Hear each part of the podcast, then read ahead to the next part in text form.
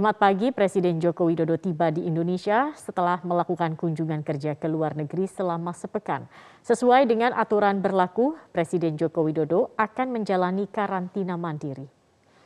Berdasarkan keterangan Biro Pers, Media dan Informasi Sekretariat Presiden, pesawat Garuda Indonesia yang membawa Jokowi dan rombongan mendarat di Bandara Internasional Soekarno-Hatta, Tangerang, Banten sekitar pukul 8 lewat 30 waktu Indonesia Barat. Presiden mendarat setelah menempuh perjalanan 8 jam dari Dubai. Namun tidak seperti biasanya. Kali ini tampak tidak ada satupun pejabat yang menjemput kedatangan Presiden usai lawatan dari luar negeri. Hal ini dikarenakan sesuai aturan bagi warga negara Indonesia yang baru kembali dalam perjalanan luar negeri diwajibkan menjalani karantina. Presiden pun langsung menuju Istana Bogor untuk melakukan karantina dan akan tinggal terpisah dari keluarganya yang ada di Wisma Bayurini. Persatuan Emirat Arab menjadi negara ketiga yang dikunjungi kepala negara setelah menghadiri KTT G20 di Roma, Italia pada 30 hingga 31 Oktober 2021 dan dilanjutkan menghadiri KTT Pemimpin Dunia COP26 di Glasgow, Skotlandia pada 1 hingga 2 November 2021. Upaya untuk memburu aset para pengemplang dana BLBI terus dilakukan oleh petugas dari Satuan Tugas Penanganan Hak Tagih Negara Dana BLBI. Salah satunya yakni dengan menyita aset PT Timor Putra Nasional yang dimiliki oleh Hutomo Mandala Putra atau Tommy Soeharto, yakni tanah seluas 124 hektar. Petugas Satuan Tugas Penanganan Hak Tagih Negara Dana BLBI menyambangi aset milik PT Timor Putra Nasional yang terletak di Desa Kamojing, Kecamatan Cikampek, Kabupaten Karawang, Jawa Barat pada Jumat siang. Empat bidang tanah seluas kurang lebih 124 hektar ini memiliki empat sertifikat dan diperkirakan bernilai 600 miliar rupiah. Beberapa bidang tanah bahkan telah digunakan sebagai kawasan industri dengan menggunakan nama kawasan PT Mandala Pratama Permai.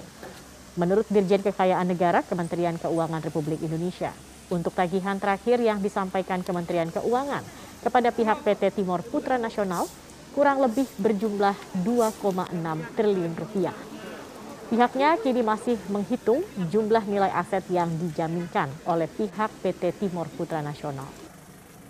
Proses penyitaan tanah ini dikawal oleh ratusan petugas gabungan yang berasal dari unsur kepolisian, TNI, Satpol PP setempat. Hal ini dilakukan untuk mencegah adanya hal-hal yang tidak diinginkan. Akan tindak lanjut, kan waktu itu kita sudah manggil karena adanya kewajiban. Nah, mengingat eh, sampai terakhir tidak ada respons, maka terhadap jaminan dari kewajiban PT Timur Putra itu kita sita. Lantaran rumahnya diterjang banjir setinggi 1 meter, warga Kelurahan Ladang, Kecamatan Sintang, Kabupaten Sintang, Kalimantan Barat terpaksa dievakuasi oleh keluarga dengan menggunakan perahu sampan. Seorang laki-laki paruh baya, warga Jalan Dharma Putra, Kelurahan Ladang, Kecamatan Sintang, Kabupaten Sintang, terpaksa dievakuasi keluarganya dengan menggunakan sampan karena rumahnya sudah terendam banjir yang mencapai satu meter. Pria tersebut menderita stroke sehingga terpaksa dievakuasi ke rumah keluarganya. Warga pun saling gotong royong membantu evakuasi tersebut. Sementara itu banjir yang merendam 12 kecamatan di Kabupaten Sintang, Kalimantan Barat belum juga menunjukkan tanda-tanda akan surut.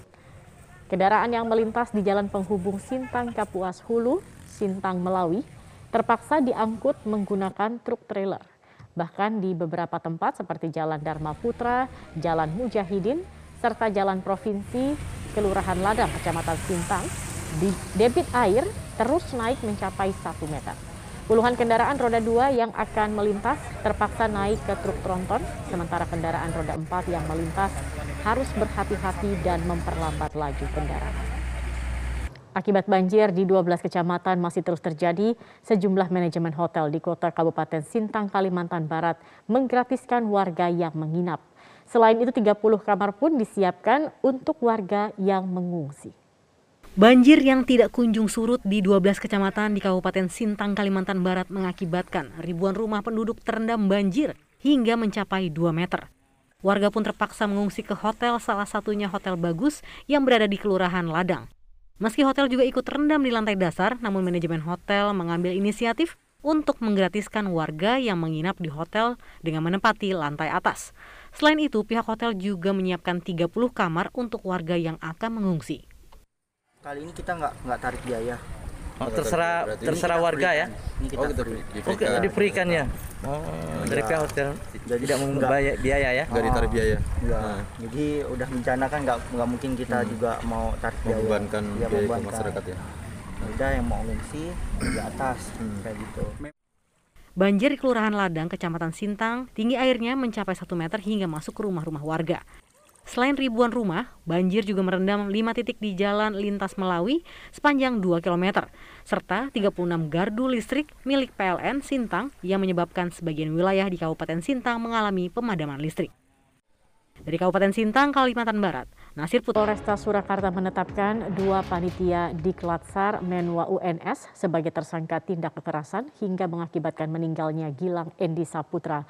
Surat pemberitahuan penetapan langsung dikirim kepada Jaksa Penuntut Umum Kejari Surakarta. Polisi menetapkan dua tersangka usai gelar perkara kasus kekerasan di Klatsar Menwa Universitas 11 Maret Surakarta, Jawa Tengah. Tim penyidik menjemput paksa kedua tersangka berinisial NFM dan FPJ dari kediamannya di kawasan Kentingan, Surakarta untuk menjalani pemeriksaan lanjutan.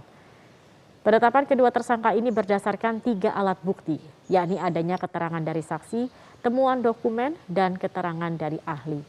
Kapolresta Surakarta Kombes Polisi Ade Safri Simanjuntak mengatakan, dari tiga alat bukti itu disimpulkan dua tersangka secara bersama melakukan penganiayaan terhadap korban Gilang Endi Saputra yang meninggal dunia akibat adanya penyumbatan darah di bagian otak.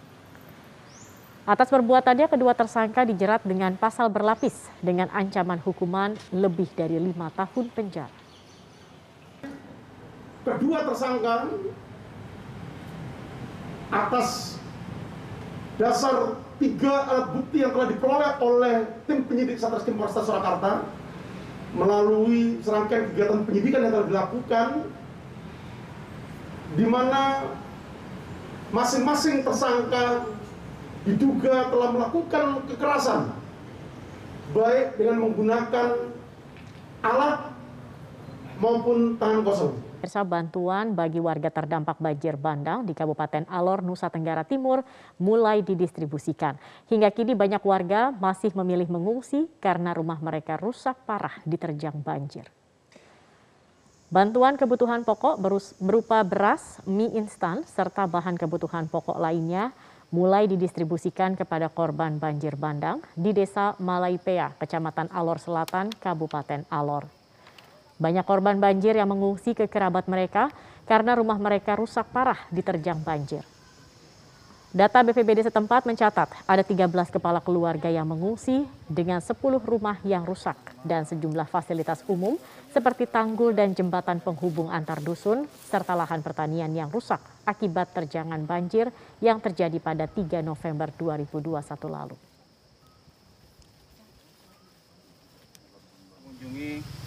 Lokasi daripada terdampak banjir yang terjadi pada kemarin sore hari Rabu tanggal 3 November 2021 sekitar pukul 2 sore dan kami bersama Mama Fransina yang mana rumah beliau terdampak daripada banjir bandang. Kami terus memberikan semangat kepada mereka untuk jangan menyerah meskipun saat ini Tuhan memberikan cobaan Banjir bandang yang menerjang Desa Bulukerto, Kecamatan Bumiaji, Kota Batu, Jawa Timur, merusak rumah warga di bantaran Sungai Berantas dengan cepat. Sejumlah warga yang hilang pun masih dalam proses pencarian. Untuk informasi terkini, kami akan langsung bergabung bersama dengan rekan Febrian Ahmad langsung dari Kota Batu, Jawa Timur. Febrian, eh, seperti apa proses pencarian korban hingga saat ini dan juga evakuasi yang dilakukan sepanjang hari ini? Ini proses evakuasi bagi para korban terus dilakukan, terutama untuk di lokasi yang ada di bantaran Sungai Berantas, di mana ini merupakan salah satu lokasi terparah dan kami pun melaporkan dari Desa Bulukerto ada sejumlah petugas tim SAR gabungan yang dibantu juga warga. Bantuan pun terus berdatangan, warga-warga mulai dari ormas Islam, ormas kemasyarakatan, kemudian juga mahasiswa datang untuk dapat melakukan proses evakuasi mengingat lokasi ini merupakan lokasi yang cukup terdampak akibat dari banjir bandang. Sepanjang hari ini kami mendapatkan data bahwa total warga ataupun korban meninggal dunia ditemukan adalah sebanyak enam orang. Ada enam orang lainnya yang ditemukan dalam keadaan selamat dan juga terakhir ada tiga warga yang masih dikabarkan menghilang dan juga dalam proses pencarian. Lantas mengapa banjir bandang ini begitu cepat dan juga uh, dapat dikatakan mengagetkan bagi warga? Kami pun sudah bergabung dengan salah seorang saksi yang saat itu pertama kali melihat banjir dan juga sempat mengatakan kepada warga untuk memberitahu ada banjir ini adalah Pak Lukman Hadi. Pak mungkin bisa diceritakan kepada kami kapan pertama kali air datang ke desa ini Pak dari air banjir tersebut? Ya, yang saya alami kebetulan saya perjalanan pulang ini bukan daerah banjir. Aslinya yang daerah banjir itu di bawah situ namanya ledok dan masih pedukan sini. Bagaimana air naik di rumahnya Haji Dono itu, saya sempat ngevlog di HP bahwa banjir saya kirim ke rumahnya yang biasanya banjir itu, ternyata tahu-tahu ada suara keras dibarengi dengan banyak jeritan di persis di, di depan pos di rumah saya yang kurang lebih dari area berdampak ini kurang lebih 50 meter uh, jeritan perempuan-perempuan. Akhirnya kami bergerak dan alhamdulillah kami ikut mengevakuasi beberapa ibu-ibu yang di depan ini Bu Parmo, Bu Jum, Jumini, Bu Jumini, terus uh, Mak C dan kebetulan saya sempat konfirmasi bagaimana saya cari ini uh, kakak saya ini Cak Gino. Ternyata Cak Gino tahu-tahu sudah di atas rumahnya uh, Pak, Harto, Pak Hartono. Pak, berarti memang air itu awalnya lokasi di depan kita ini yang merupakan bantaran sungai saya kira ini. Pak, ini tadinya kosong Pak, tidak ada ini airnya. Versi orang sini, ini adalah aliran sungai seketika ada airnya cuma di waktu hujan. Jadi langsung lurus ke arah Gunung Arjuno dan ini tidak ada cerita seketika saya di sini banjir seperti ini.